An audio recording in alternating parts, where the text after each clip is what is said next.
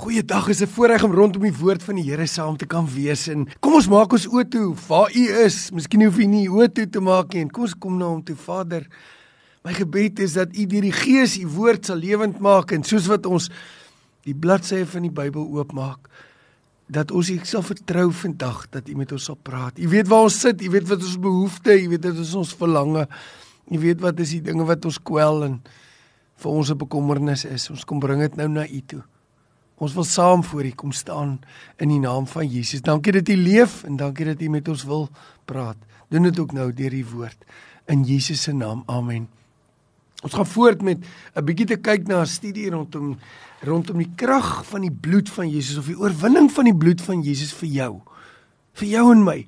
U sien die Here Jesus wil deur sy bloed werking doen in my en u lewe en um, ons het nou laaste keer gepraat daaroor oor oor hoe die besprinkeling van die bloed op 'n mens se hart sewe maniere wil uitwerk in 'n mens se lewe. En ons gaan nou 'n bietjie voor daarop, gaan nou nie dit alles herhaal nie. En ek lees die gedeelte en versie net in Openbaring 12 vers 11, ek ken hom, wat sê en hulle het hom oorwin deur die bloed van die lam. Wie is hom?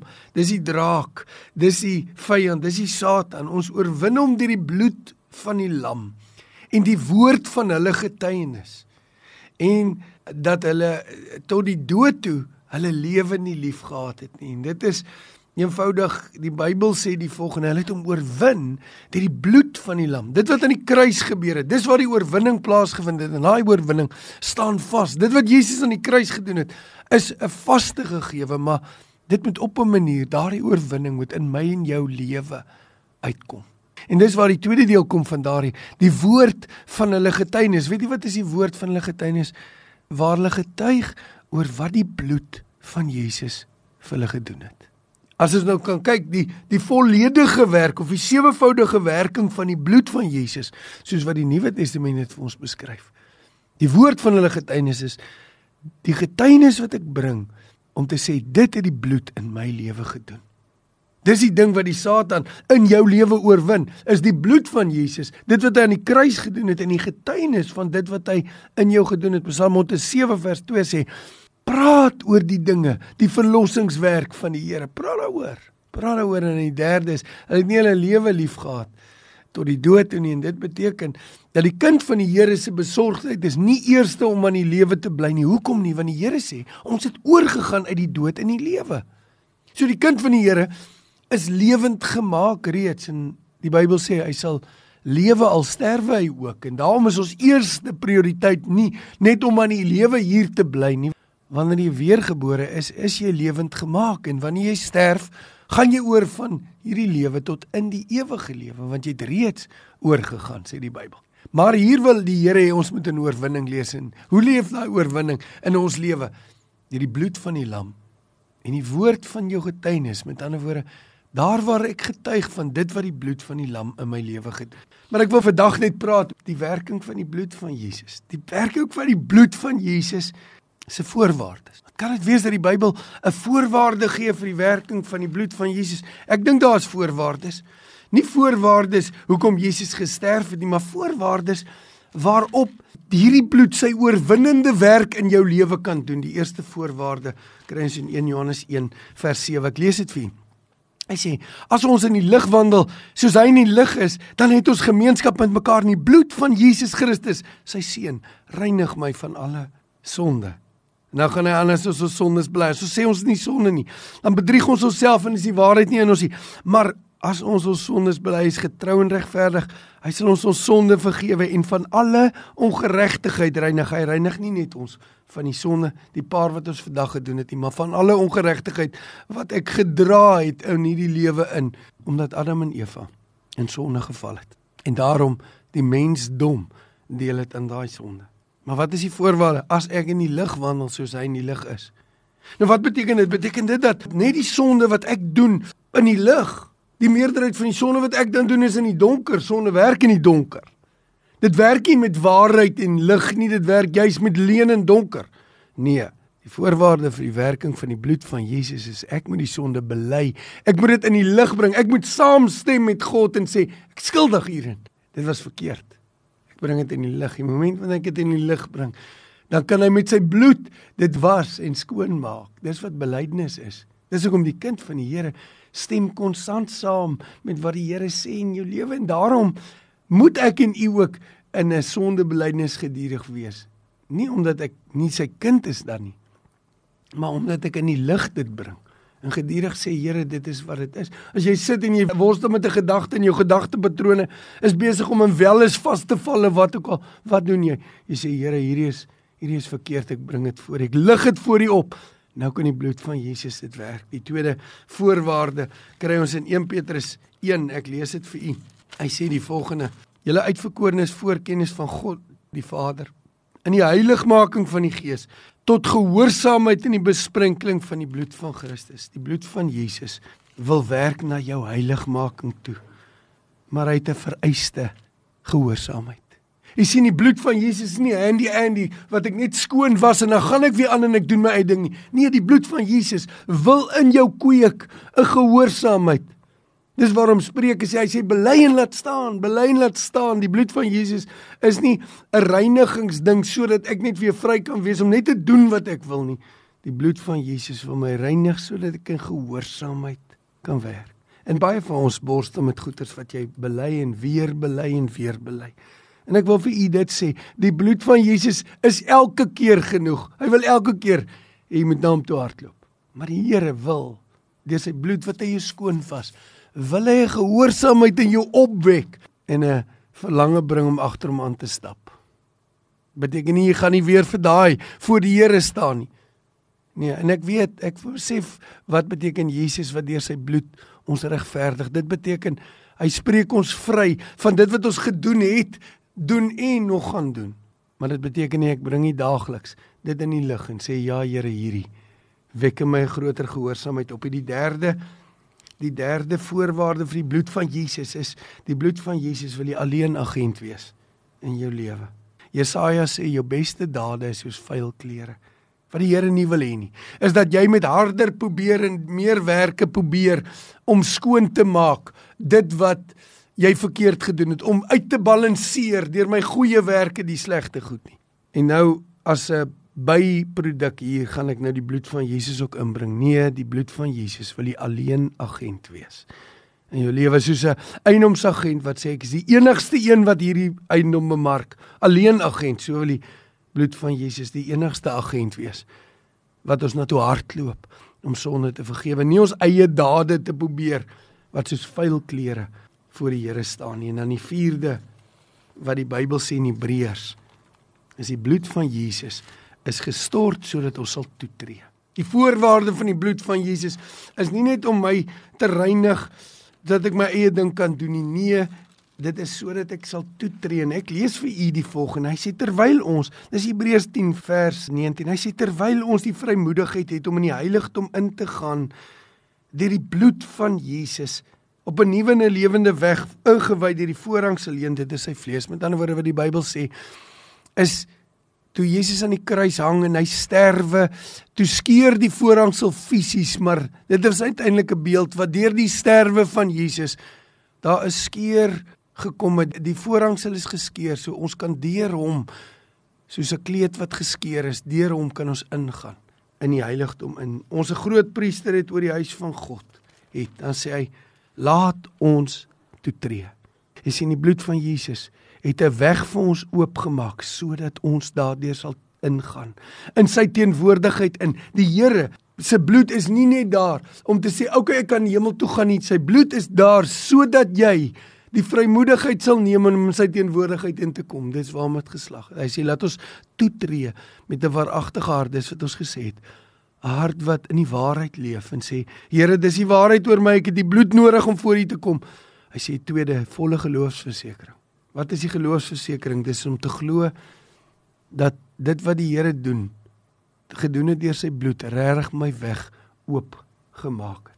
Baie mense verstaan nie wat is 'n geloofsversekering nie. Baie keer dan sê mense, ek bid en ek voel niks nie. Ek voel dit voel asof my gebed in die plafon vasgaan. Maar wat wil die Here doen? Hy wil sê, deur sy bloed kom bring ek en sê Here Jesus, enigiets wat tussen my en U staan, kom stel ek onder U bloed Dankie dat U my skoon was en nou het ek 'n geloof dat U my hoor. Ek het 'n geloof dat ek in U teenwoordigheid is en hierdie gebed hoor of voel ek niks nie. Geloofsversekering beteken ek vat die Here op sy woord. Dan sê hy die hart deur die sprenkeling gereinig van 'n slegte gewete en jou liggaam gewas met skoon water. Hy sê laat ons hierdie belydenis vashou met 'n onwrikbare geloof, hoop vashou want hy wat dit beloof het is getrou. Miskien moet ek vir u vandag net by hierdie belofte 'n oomblik stil staan en sê hou vas aan dat die bloed van Jesus maak dat jy in sy teenwoordigheid kan inkom. Jy 'n gefalle mens soos ek, iemand wat baie sonde doen, kan deur die bloed van Jesus in sy teenwoordigheid aangaan en ek kan met 'n vrymoedigheid met hom praat en ek kan vas aan die wete dat hy my hoor en dat hy my hou. Hy sê hy wat dit gedoen het is getrou en hy sê laat ons dan op mekaar ag gee tot liefde en goeie werke aanspoor en laat ons nie die onderlinge byeenkomste versuim so sommige se gewoonte is nie maar laat ons mekaar vermaan daartoe des te meer as die dag sien naderkom kom ek verduidelik vir u die bloed van Jesus het gevloei sodat ek en u sal toetree in die teenwoordigheid van die Here met 'n volle geloofsversekering in 'n hart van waarheid maar sy bloed het gevloei sodat ek sal toetree nie net alleen nie, maar sodat ek sal toetree saam met ander gelowiges. Ander gelowiges wat naby genoeg aan my is en lank genoeg saam my stap dat ek hulle kan leer ken en ek mekaar kan aanspoor tot liefde en goeie dade.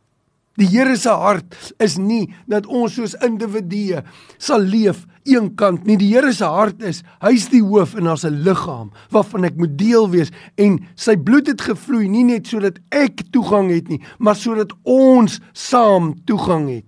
En dit moet 'n mens verstaan. En weer die bloed van Jesus is dat ons sal toetree, dat ons sal deel wees. Ag weet jy, ek dink baie keer dis die een ding waarop die vyand die kerk aanval.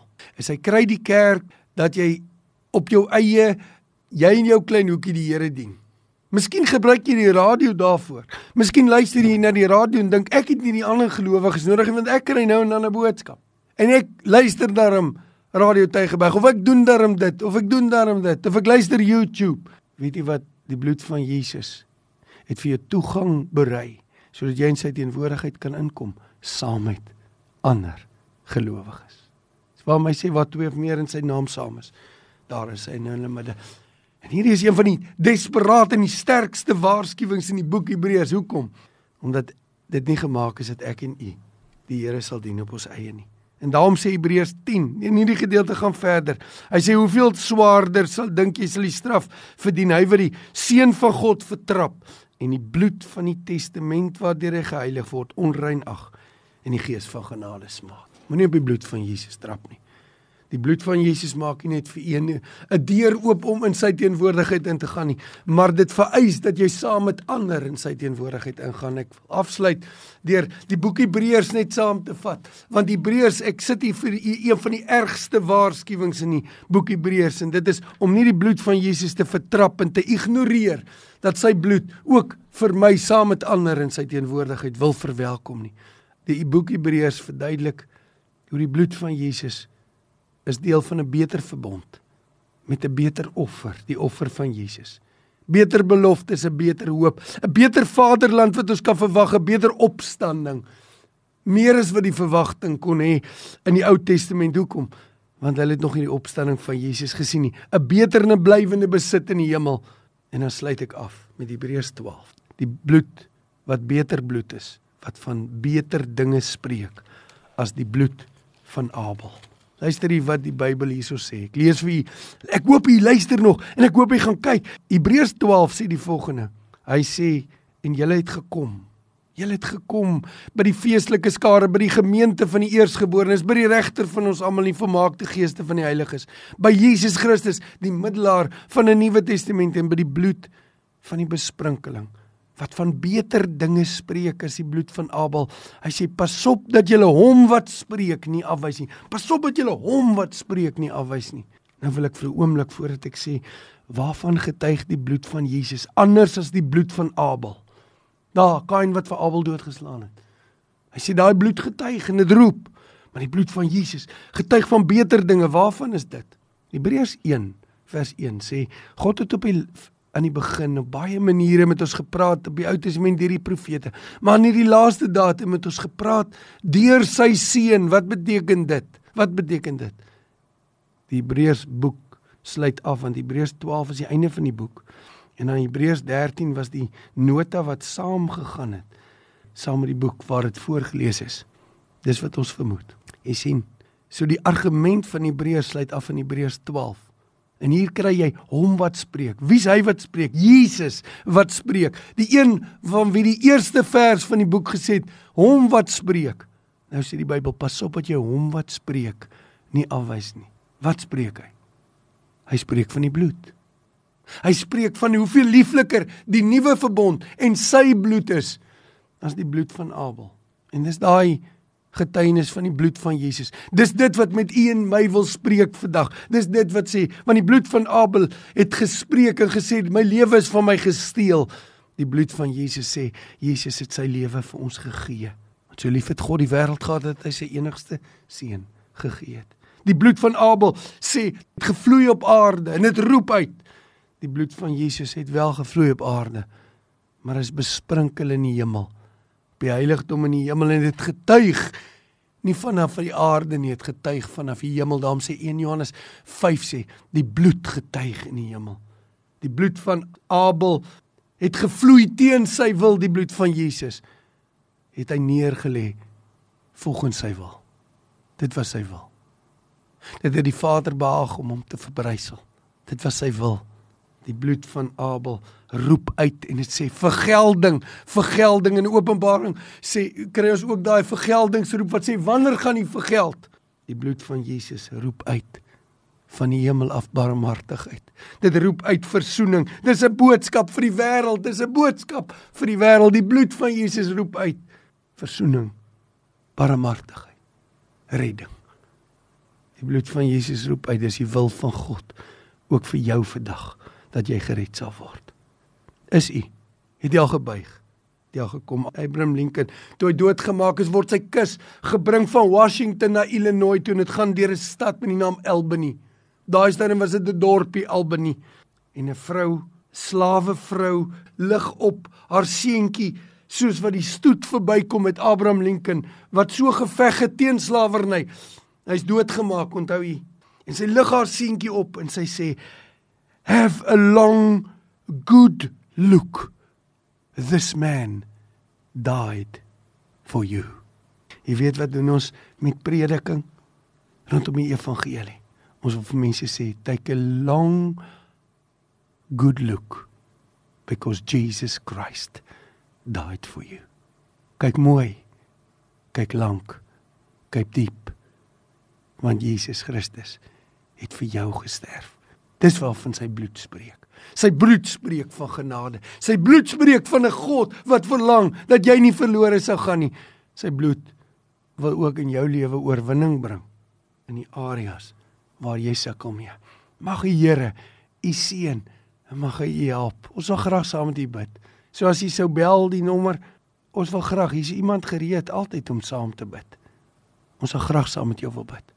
En as jy sukkel met deurbrake in die lewe of jy het onverlostheid, kom en kom ons bid saam en kom ons sê dankie vir die bloed van Jesus wat ons reinig, wat ons vrymaak, wat ons skoon was, wat ons heilig maak, wat sy lewe vir ons gee, wat ons vryheid en toegang en vrede vir ons werk. Mag die Here u seën. Amen.